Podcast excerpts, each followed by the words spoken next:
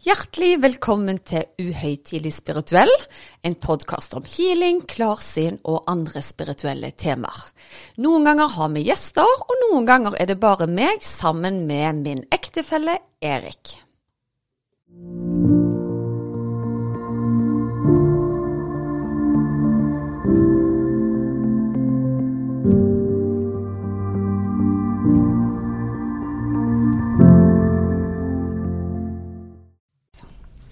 Ja vel, Susanne.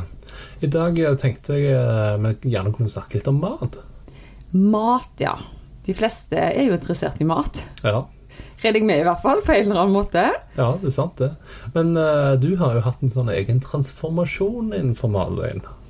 Det har jeg absolutt. Jeg er vokst opp på såkalt husmannskost. Eh, mye kjøttkaker og poteter. Og så var jeg vel veldig glad i gjærbakst. Mamma er jo helt sinnssyk i å bake boller og rundstykker og den type ting. Og så var jeg veldig glad i pasta. Og i hele min oppvekst så trodde jo jeg at brød og pasta var sunt. Så da tok jeg heller og kutta et kotelett og gassa meg med pasta istedenfor. Ja, for det husker jeg i studietiden òg. Vi tok heller en bolle ris Ja, ja, enn eh, kyllingen. Liksom. Ja, det var kjempesunt det. Så hvis jeg skulle være skikkelig sunn, da bare liksom skufla jeg kjøttet til siden. Eh, og så spiste jeg kun pastaen. Og så hadde jeg gjerne kavringer til frokost, hadde et rundstykke til lunsj, rene pasta til middag, og gjerne ei skive til kvelds igjen. Så, så jeg hadde den type kost veldig, veldig lenge. Ja. Og resultatet av det ble den mye omtalte studentrumpa. Ja, det ble veldig studentrumpa. Nei, nå hadde det seg sånn at jeg, eh, jeg var i fin form jeg, gjennom hele barndommen og hadde en slank, eh, sunn kropp veldig lenge. Men så skjedde det noe når jeg flytta til Australia eh, og skulle begynne å studere. Da begynte jeg å samle veldig mye væske i kroppen. Og det var vel egentlig starten på eh, en periode som varte over år, hvor jeg ble veldig mye syk. Og vi har snakket om det tidligere i podkaster, at jeg var mye syk før jeg fikk evnene mine. Eh, og det var absolutt en tøff periode for meg helsemessig, altså. Men jeg må si jeg begynner å se konturene av ting her. For det at eh, Forrige gang så gikk du om bord på et fly, og så fikk du skjegg. Og nå går du altså om bord på nok eh, et fly, flyr til Australia, og så skjer det noe rart der òg. Å, herlighet, det har ikke jeg tenkt på før. Ja. Og jeg har en liten sånn greie at når vi landa i Thailand, så så jeg bare «Ah! Hva har skjedd om bord på flyet? Ja, det, det, det er noe med meg å fly. Det er, det er helt sikkert. For da, akkurat den turen du eh, viser til nå, er jo egentlig hvor ømfintlig jeg er for mat. Og det, det må vi jo fortelle om eh, etterpå. Du er veldig glad at vi tar historiene med en gang, men jeg tenker vi må nesten bygge opp litt her før vi forteller den drastiske historien der. Men det som da skjedde, var at jeg nærmest over natta bandt sånn ca. mellom 15 og 17 kilo eh, med vann i kroppen.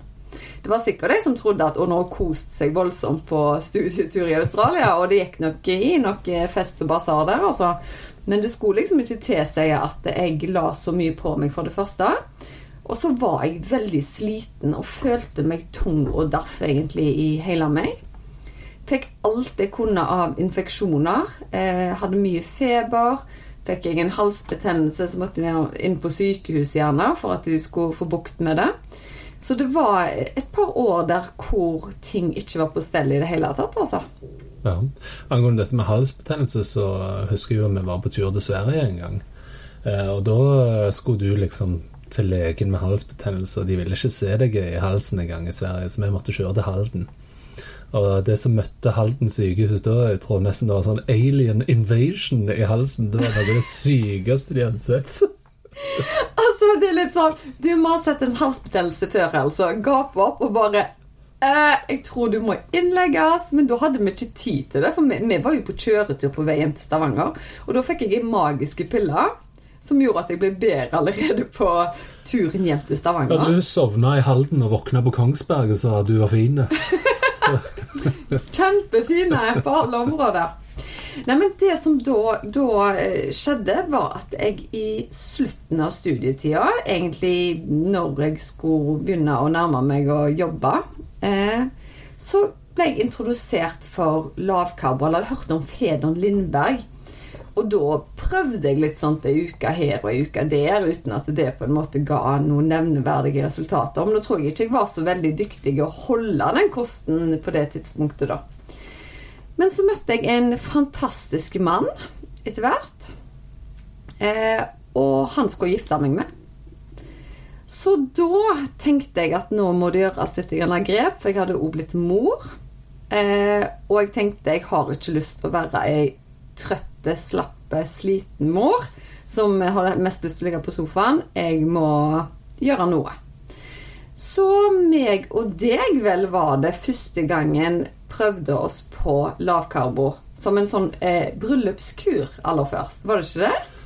Jo, eh, den utløsende faktoren var vel at noen hadde tatt bilder av oss bakfra i Portugal, og vi tenkte hvem er det amerikanske ekteparet? du, og det som var så galt, det var ikke meg og deg som sa det engang. Det var Ulrikka og David, et vennepar av oss. De holdt på å le seg i hjel. Å, herlig! Sjekk de amerikanerne! Og meg og deg kikker på hverandre og bare Det er oss! Nei, men i hvert fall, da bestemte vi oss for vi prøver oss på ketogenkosthold. Eh, og for min del, da, så allerede etter ei uke så begynte folk å spørre meg hva har du gjort? Eh, du ser helt annerledes ut. Du ligner ikke på deg sjøl. Jeg hoppet entusiastisk på vekta og tenkte jeg må jo ha rast ned i vekt. Jeg tror det var to kilo eller noe sånt. Men for min del da, så var det rett og slett en hevelse i kroppen som forsvant. Så jeg plutselig så jeg ut som sånn som jeg skulle se ut. Jeg hadde ikke lenger sånne hovne konturer i ansiktet. Så jeg fortsatte med den eh, dietten, om du vil, da. Altså federen eller strikt lavkarbo. Jeg vil jo heller kalle det en livsstil.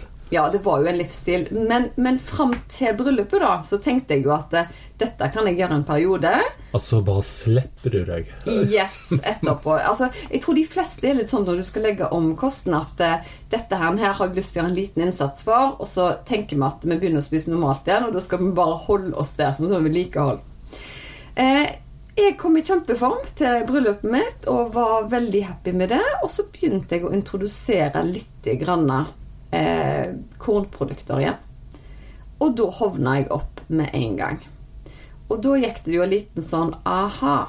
Nå ble jeg skamtrøtt bare jeg spiste havregryn. Altså, jeg var veldig glad i havregrøt, blant annet. Og kunne jeg legge meg på sofaen i to timer. Eh, spiste jeg et brød, så hevde jeg sjøl som en deig. Så det kom nok fram da altså at Susanne har nok en sterk intoleranse, om ikke allergi, for kornprodukter. Og etter hvert så ble jo dette slått ut på blodprøver i forhold til hvete. Ja, for Det som var litt interessant, er det er jo mange som går over til glutenfri kost. Ja, Men uh, det funker ikke heller. det funka ikke for meg. Så jeg prøvde meg på disse her uh, hva skal jeg si, uh, glutenfrie rundstykkene og glutenfrie kakene, men jeg blåste like mye opp, opp for det. Så i min situasjon så var det mye mer omfattende. Og det var jo da jeg gikk strikt til verks. Jeg ville ikke lenger ha et liv hvor jeg var trøtte. Så da kutta jeg ut alt av korn i første omgang. Og har vel egentlig aldri sett meg tilbake eh, etterpå. Og det var i 2012. Så nå har ikke jeg spist ei bolle siden 2012, Erik. Ja, jeg har spist for oss begge. Du har spist for oss begge. Eh, men, men eh, tilbake til den eh, turen i, eh, til Thailand, da. Da bestiller jo jeg alltid mat som skal være tilpassa meg, så det ikke må være korn i. Men du kan jo fortelle sjøl hva som skjedde på det flyet. Eh, Jo, altså Jeg vet ikke hva som skjedde på flyet, men eh, når vi lander, så går du da inn på do og kommer ut igjen, og jeg bare tenker Jesus! Hva var det i det måltidet? For det at det skjer ganske sånn snap, liksom. Da var jeg vel dobbelt så stor, da. Da har jeg samla sånn åtte kilo vann på en flytur. em, og mest sannsynlig fått noe i den maten som jeg ikke tålte. Så så ømfintlig er jeg for korn. Eh, og jeg har vel hørt gjerne venninner eller bekjent litt sånn «Åh, Hvor gale kan det være, liksom? Du dør. Det er gale. Ja. Skikkelig gale. Du dør ikke om at du tar deg en bolle. Liksom. Og litt den der en Du må unna deg noe. Du må unna deg noe. Så tenker jeg, er dere klar over hva jeg skal unna meg? Altså For det første, skvulp, skvulp. Det var ikke kjekt å gå tre dager i Thailand som en flodhest. Og i tillegg møtte vi selvfølgelig kjentfolk på beachen akkurat på det verste. Hadde ikke hun gått på lavkarbo? Og jeg syns nå hun så slankere ut på Instagram. Nei, men heldigvis så, så, så, renner det fort av når jeg går tilbake eh, på mitt kosthold. Eh, så for min del så har lavkarbo vært den absolutte redningen. Jeg, etter hvert så kutta jeg òg ut ris og poteter. Rett og slett fordi jeg følte at blodsukkeret mitt føyk raskt opp og gikk raskt ned igjen. Så jeg føler meg mye mer på plass i meg sjøl når jeg holder meg unna raffinerte karbohydrater. Ja, Så det har jo da funka for deg. Eh, men når du er i en healing-setting, og det kommer gjerne klienter inn, eh, får du opp noe rundt mat da? Noen ganger. Jeg prøver etter beste evne å ikke være en ernæringsfysiolog, eh, nettopp fordi jeg er ingen ernæringsfysiolog. Og jeg er opptatt av at folk skal følge sin vei. Men hvis det kommer inn personer som sliter med gjerne fatigue, de er ikke på plass i seg sjøl, de får mye betennelsestilstander i kroppen. Altså at de, de, er på en måte litt sånn ulmende bål, da. Så spør jeg de jo av og til om at de har eh, hva type kosthold de, de følger. Eh, og får jeg da en følelse av at jeg bør introdusere de til en annen måte å spise på, så gjør jeg det. Men jeg prøver av en eller annen grunn å unngå det nettopp fordi at det skal jeg overlate til lege og ernæringsfysiologer. Altså De må sjøl finne ut hva som passer for de, men du sier kanskje det kan være en endring? liksom? Yes. Eh, og i de eh, casene hvor jeg ser at ok, her er magetarmen ganske utsatt, så kan jeg selvfølgelig gi deg et råd om å prøve noe annet. Og jeg tror jeg har til gode med at eh, noen ernæringsfysiologer sier at det er tull å kutte ut og spise for mye chips, eh, brus og snop, altså. Eh, og det er jeg helt enig i. Begrens det, fordi kroppen bruker så mye av mekanismen sin til å bekjempe det. For det er tomme, tom næring som egentlig ikke gir deg så mye, da. Så det er jo egentlig sunn fornuft, men for min del så har det absolutt vært eh, redningen. Og noen av mine klienter som da velger å endre kostholdet sitt, de rapporterer som regel at de merker stor endring, det jo. Men nå tror jeg sikkert folk at liksom, å, hun begynte på lavkarbo, og det var full klaff. Men veien til dette har jo vært innom et par interessante ting òg, da. Og jeg ja. husker jo f.eks. at du satte meg på sitronsaftkuren. Ja, jeg har absolutt satt deg på en sitronsaftkur. Den, den har jeg ikke tatt sjøl etter jeg begynte på lavkarbo, men den tok jeg i studietid en gang for å rense kroppen. Og, og, det kan være effektivt. Altså, jeg er absolutt en uh, forkjemper for faste innimellom. Ja, For faste har du gjort òg? Faste har jeg gjort, og jeg er jo en av de. Og det har sikkert litt med mine, altså min sensitivitet å gjøre, da. Og jeg merker at hvis jeg faster, så får jeg mer energi. Jeg er mindre trøtt. Eh, det som er negativt, er at jeg da sover litt dårligere, fordi jeg er ikke trøtt i det hele tatt. Eh, så jeg kan veldig fort legge inn en sånn 18-24 timers faste hvis jeg føler at jeg er trøtt i en periode, for å så heve meg opp et hakk. Ja. Det jeg syns er litt interessant, da, det er jo at dette har jo funka for deg. Mm. Og det er jo ikke alltid alt funker for alle. Um, og i Aftenbladet nå forrige uke så var det òg en artikkel om en som hadde prøvd forskjellige ting. Ja. Og funnet ut at den tradisjonelle kostholdssirkelen som er kjent med, den som alle hadde i heimkunnskapen, ja. Eh, at den gjerne må revurderes litt. For det, at, eh, det er jo masse norske matvarer som du får, eh, og en god balanse av, men det er ikke gitt at alt passer for alle i en balanse, da, for å si det sånn. Nei, jeg tror i hvert fall ikke hvis du er sensibel. og sånn så Korn det har altså det, det, er en type giftstoff i korn som mange tåler, men noen tåler det ikke.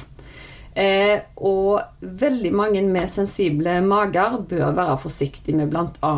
Eh, kvitt hvetemel. For det er for raffinert for kroppen, rett og slett. Men i forhold til kostholdssirkelen og sånne ting, så er det mye fint i kostholdssirkelen nå i forhold til dette med grønnsaker og fisk og egg og, og kjøtt. Men jeg tror gjerne vi bør balansere ut dette med for mye poteter og pasta og brød. Ja. Og vi nordmenn er jo racere på å spise brød. Vi spiser jo brød til alt. Men hva hvis du er vegetarianer, da? Eller prøver vegetarveien? Altså, Vegetarveien er helt sikkert kjempefint, men for en person som meg, som da ikke spiser korn, ikke spiser ris, ikke spiser poteter, nettopp fordi jeg føler at det ikke gir meg noe, da er det ikke så mye mer å ta av. Så for min del så spiser jeg en del grønnsaker. Jeg er veldig glad i bær. Og så spiser jeg proteiner i form av kjøtt og fisk og skalldyr.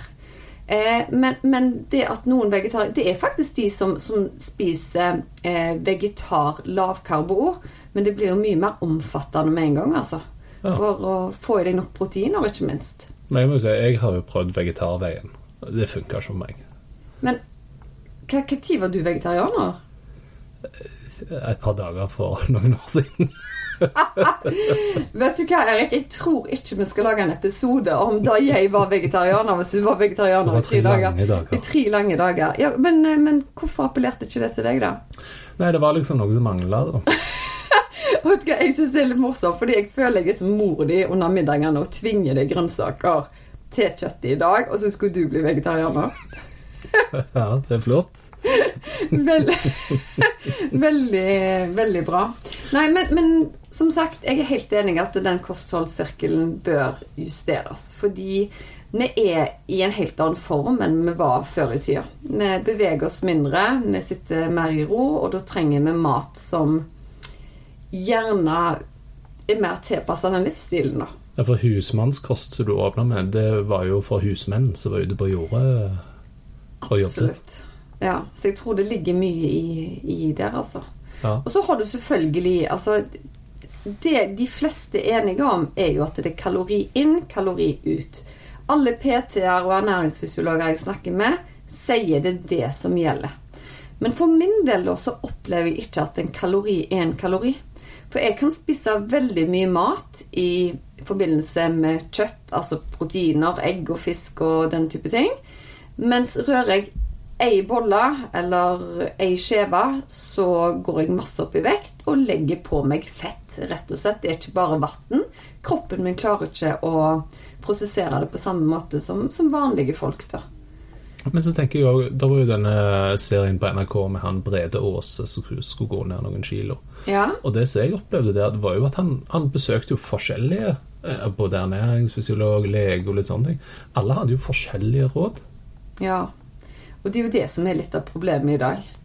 Eh, og det er jo derfor jeg prøver også å unngå å gi kostholdsråd når folk kommer til healinga.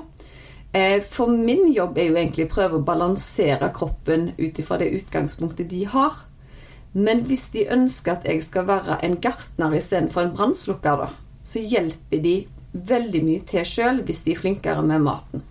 For pøser du på med drittmat, så bruker kroppen den krafta som man kunne brukt til å helbrede betennelsestilstander, depresjoner, vondter, brukes heller til å prøve å kvitte seg med mat som ikke er bra for en, da. Ja. ja, nei, men det er ganske interessant. Og, øh, men jeg tenker det som kanskje er det viktigste å ta med seg, det er at det er ingen A4-formel for alle.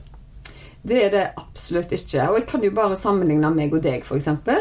Du tåler jo veldig mye raske karbohydrater. Eh, men jeg opplever vel det at i perioder hvor du tenker at vet du hva, jeg trenger et lite energipuff, jeg trenger å hva skal jeg si, komme meg i form etter ferien, da pleier du ofte å ty til den maten jeg spiser. Ja, det er sant det. Og, og det er nok noe med det at når vi ikke er så aktive, det å redusere på karbohydratene, eh, at det da gjør at kroppen blir mindre fokusert på å prosessere de. Det sånn. Og jeg har jo holdt dette kostholdet i over ti år nå. Og jeg fremdeles må jeg innrømme at det river i nesen når jeg går forbi et bakeri. Men jeg blir jo veldig spart for sånne impulsive kjøp da, i forhold til dårlige matvarer. Fordi jeg kan rett og slett ikke spise det. Eh, men for min del så har det jo blitt Jeg, jeg har mine uvaner, jeg òg, og det er jo annet proteinbarer. Eh, jeg skulle vært mm, Jeg skulle ha vært mye flinkere og lagd de sjøl, for det er nok ikke bare helsekost i de, selv om det reklameres med det. Det er kunstig søtning og raffinert til de grader, garantert. Eh, men det har vært min eh, last, da. At jeg har spist litt for, for mye av det. Og det er nok ikke så bra for kroppen, det heller. Ja. Altså, jeg bet meg merke i et ord du brukte, raffinerte karbohydrater. Eh, For det merker jeg veldig mye Altså, vi har jo vært i utlandet i i pappapermene, f.eks. Ja. Og jeg føler ofte der at det er lettere å gå i kjøttdisken eller noe sånt, og så plukke seg ut ting, enn det er i Norge. Ehm, og det som vi har gjort, er jo ofte i disse utenlandsturene som har vart over litt lengre tid, at vi har lagt om kostholdet. Og det som slår meg, er at uh, det er ganske lite kjøttdeig på markedet i Spania, f.eks. ja, absolutt. Uh, så der ønsker de helst at du skal kjøpe renere kjøtt der som ikke er Men de kverner det gjerne for deg. Ja, ikke sant? Sånn at det blir en slags kjøttdeig. Men allikevel så vet du jo hva som er i det. Det er ikke salt eller whatever. liksom. Det har du helt rett i, men så tok vi og kjøpte sånne yoghurter til ungene. Eh, og det var jo ei sukkerbombe uten sidestykke, for vi fikk jo sånne speed-unger når de eh, spiste de yoghurtene der. Ja. Så jeg tror nok de er flinkere å tilby på begge fronter det som er veldig dårlig for en, men òg det som er, veldig bra for en, da. Men jeg tror grunnprinsippet er at vi må bli flinkere til å spise renere mat. Ferdig mat, få det vekk. Fordi bare i en Grandiosa, f.eks. Hvor mange spiseskjeer med salt var det i en Grandiosa? Jeg lurer på om vi regnet oss fram til ca. fire spiseskjeer. altså. Fire spiseskjeer salt. Og det seg Men, ikke arrester oss på den. da. Nei, men det er mye salt i, i en Grandiosa. Men generelt sett i ferdig mat så er det så vanvittig mye stoffer i tillegg til det du på en måte tror, da. En lasagne, så tenker du ja, her er det pastaplater og, og kjøttdeig. Men så kommer det alt mulige tall bak med tilsetningsstoffer for at matvaren skal bevare seg. Og de er ikke alltid så veldig heldige, altså. Ja, og det er jo ofte salt og sukker som brukes for bevaring òg, ikke sant? Helt klart. Så ja.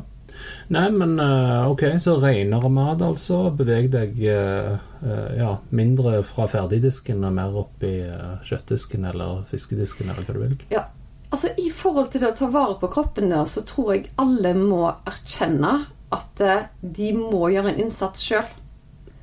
Eh, hvis du kommer til Uansett hva behandling det er, om det er til lege eller kiropraktor eller healer, eh, og ønsker å bli fiksa, så er det mye de kan gjøre. Men hvis du ikke gjør en innsats for noen ting sjøl, så blir det mer sånn som jeg sa i stad, at du blir mer en brannslukker enn en, en gartner. altså. Fordi eh, kroppen trenger næringsstoffer for å gjøre seg friske. Og jeg kan pøse på med energi, sånn at kroppen din skal ta i bruk den eh, krafta til egen vinning. Men da har du altså et ansvar sjøl med å sørge for at kroppen din har det bra. Og det er veldig lett å kjenne om kroppen din har det bra. Har du masse vondt, er du sliten, føler du deg ikke på plass, da er det ting du kan gjøre med kosten din, mest sannsynlig. Jeg har jo ennå til gode å gå fra McDonald's og si I, I feel great! Ja, sant? Ja. Men jeg var veldig kry den gangen når, når uh, mora til venninna av Aurora kom til oss. Så tror jeg Aurora var fem år eller noe sånt. Så jeg sier vet du hva, dette tror jeg første gangen jeg opplevde i mitt liv med en unge. Så sier jeg hva, hva er det som har skjedd? Jeg spurte om hun ville være med på McDonald's, og så sa ungen 'hva er det?' Og da tenkte jeg vi har i hvert fall gjort en god jobb til de, til de fem år gamle. Nå har hun vært på McDonald's, altså. Det, det har hun helt klart. Mm. Men har du noen klienter som faktisk har på en måte lytta til det du har sagt i forhold til kosthold, og, og gått på en måte hjem og gjort research, sånn som du gjorde? Yes. Ja. Og resultatene er kjempegode Ja. på de som velger å følge det. Ehm, Det er noen som er veldig motvillige, fordi det krever noe av en sjøl å gjøre en endring. De fleste som går til legen, har vel bare lyst på ei pille, fiks meg, og så får du beskjed om at nei, du må i tillegg til å ta den medisinen, så må du faktisk spise bedre for å endre eh, kolesterol, eller i forhold til hjertet, så er du nødt til å gjøre en innsats der, i forhold til alkohol, f.eks. Men, men jeg merker fort at folk, eh, folk har ikke så veldig lyst til det, altså. Eh, og så må jeg vel si at eh, kvinner er lettere å snakke til om kostholdsendring enn menn. Menn får liksom panikken eh, med en gang. At nei, må jeg ta, ta grep? Og da går det veldig gjerne på dette. Men jeg elsker den øla sammen med kompisene på fredagskvelden. Men da er det helt greit å ta den ene øla på fredagskvelden. Men det jeg anbefaler da, hvis du er sensibel, er f.eks. å ta en korona som er brygga på mais istedenfor uh, hvete.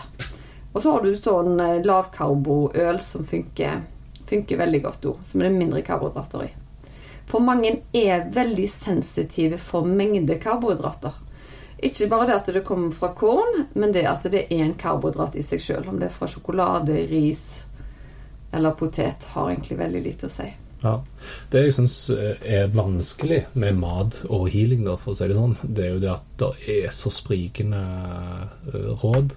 Altså Vi har jo sett på dokumentarer gjerne så sier de å, du må ikke ta tomater, for det har naturlig forsvarsmekanisme og giftstopper i seg. Og de andre sier å, tomater er flott, og det er grønt, og ikke sant. Så det, det er veldig vanskelig å gjøre seg opp en mening som er på en måte uhilda.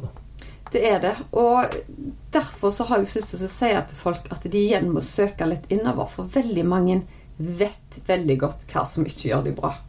Det er bare det at vi vil ikke høre på det. Jeg tror veldig mange vet hvis at ok, nå, nå, tok jeg fire stykker for mye pizza. Det gjør meg jo ikke bra, men jeg skal leve et bedre liv i, i morgen. I dag så tok jeg feil valg, men, men, du har alltid den der lille stemmen som sier at eh, jeg kunne gjort ting annerledes, da. Så det kan være lurt å legge seg opp en plan, altså en langsiktig plan om livsstilsendring.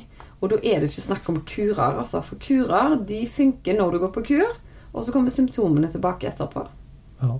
Jeg merker jo i forhold til det pizzaeksempelet og så er jo jeg mer sånn Vet du hva, nyt det fjerde stykket, og så tar vi en ny dag i morgen. Ja, og du, du, er veldig flink på det, men så er dette her at eh, Vi kan bruke deg som eksempel, da, Erik. Jeg syns det er et veldig bra eksempel. Fordi du er jo en eh, høyreist, flotte mann som kan spise ganske mye uten at det legger seg eh, feil, da. Men når det på en måte er litt sånn bursdag, eh, gjerne to ganger i uka, og det kommer både 17. mai og konfirmasjon og alt, så er jo du glad i kake. Og da går du all in. Det er riktig. Det er riktig. Strategien er at alle kaker skal smakes på, og så går du tilbake igjen og tar det det lukter best. Yes. Men du har vel egentlig erkjent at når du gjør det, da, når du er på den der karboturen din, så føler du deg jo ikke bra med deg sjøl i perioden etterpå. Nei, det er riktig det, og, og spesielt så merker det liksom på, på, trening, da. Hvis du skal på trening på eh, mandagen etterpå, eller noe sånt, så kjenner du jo at, eh, at helgens utskeielser ligger igjen i kroppen. da. Ja, helt, eh, helt, klart. Men så har du, for min del igjen, så, så eh, Jeg trener jo veldig bra på tom mage og på veldig lavt med karbohydrater. Mens bestevenninna mi sier at vet du hva, ei treningsøkt uten å ha spist karbohydrater, det er bånn i bøtta. Og jeg og hun er veldig forskjellige på hva vi, vi tåler i forhold til mat på hva tid på døgnet. Så, så hun f.eks. syns ikke at fasting er noe særlig, fordi at hun da ikke har kraft på treningen, mens jeg fungerer motsatt. Og det er et godt eksempel på at kropper er forskjellige, og vi kan ikke ta alle under én kam, da. Og det jeg mener da, er at healing kan være et godt verktøy til å få en analyse av systemet. Hvor er det ting svikter?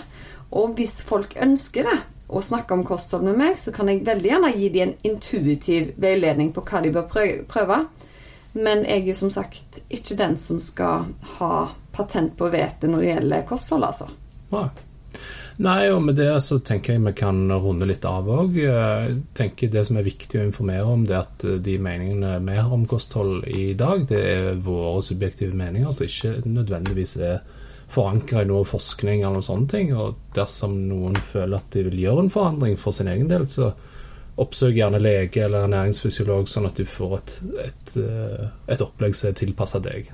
Ja, og så skal jo mat være en fin ting. Det skal jo ikke være en eh, en forstyrrelse, da. Og det er jo de som sliter med matvalg og spiseforstyrrelser og den ting. Og da opplever jeg absolutt at healing kan ha god effekt der òg, altså. At vi får gå inn og balansert kraften, sånn at de kan få et annet syn på, på mat. At mat gjør de godt. Ja. Og uh, igjen, holdt jeg på å si, det er jo veien til å bli den beste utgaven av seg sjøl. Absolutt. Da takker vi for i dag. Takk for at du hørte på.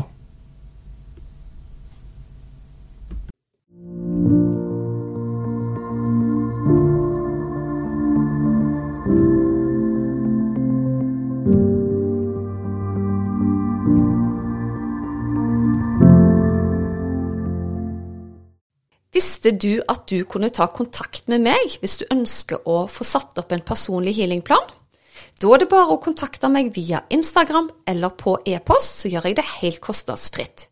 Da er det mye lettere å vite hvilken healing du skal velge, til hva tid du skal bruke den, og for hvor mange uker du bør benytte deg av dem.